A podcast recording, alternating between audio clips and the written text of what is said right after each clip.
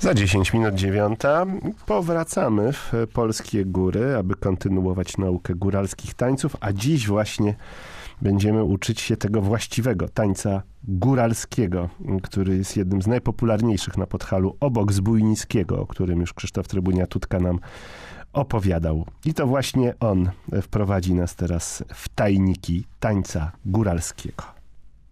A ja idę tańczyć, a wy muzycy grajcie, a ja wy mi koledzy, a dziewczynka zwiertajcie. Taniec zupełnie właściwy podhalanom różni się od tańców właściwych mieszkańcom równin. Piękny, rosły chłopak w opiętych białych spodniach, zrzuciwszy gunie, występuje na środek izby i zaczyna taniec, przebierając nogami w najrozmaitszy sposób.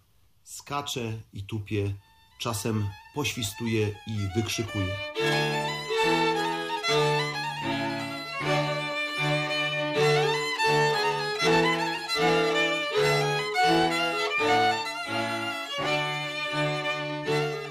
Jedna albo dwoje dziewcząt krokami drobnymi tańczą wokoło mężczyzny popisującego się na środku izby. To zbliżają się do niego, to znów oddalają. Muzyka towarzysząca na skrzypcach nie należy do nazbyt przyjemnych. Monotonna jest i melancholiczna, a gdy nadejdą szybsze akordy, wtedy chłopak porywa zwinną tancerkę i wykręca ją z niewymowną prędkością.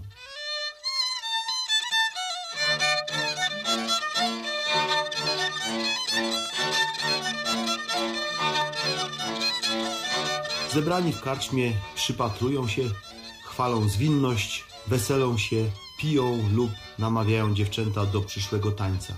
Jest to raczej popisywanie się, a nie taniec ogólny. Tancerz między odstępami zwykł śpiewać dwa wiersze, wyjątkowo cztery, a widzowie i słuchacze cieszą się dowcipem tych śpiewek, a cóż dopiero ich przystosowaniem.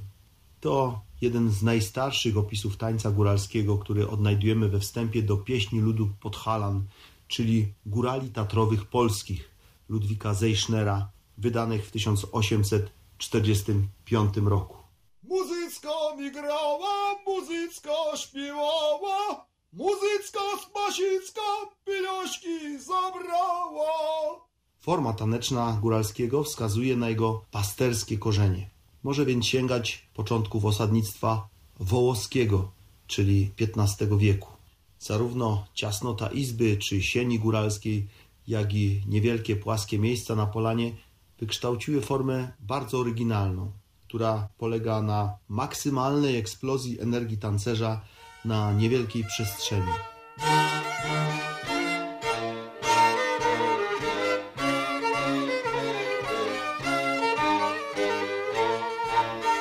Najbardziej charakterystyczną jego cechą jest popisowy charakter tańca jednej pary, która porusza się swobodnie obok siebie, nie trzymając podczas tańca. Żartujemy, że uczucia jak są, przeleją się na odległość. Wiodąca rola przypada tancerzowi, który kolejnymi śpiewkami zamawia kolejne figury taneczne. Najpierw ozwodne, krzesane, potem czasem drobne i improwizuje poszczególnymi zestawami kroków tanecznych, podskoków, obrotów, klaśnięć i tupnięć, by w końcu objąć i porwać tancerkę do zielonej i zwyrtać, czyli okręcić się z nią w obie strony.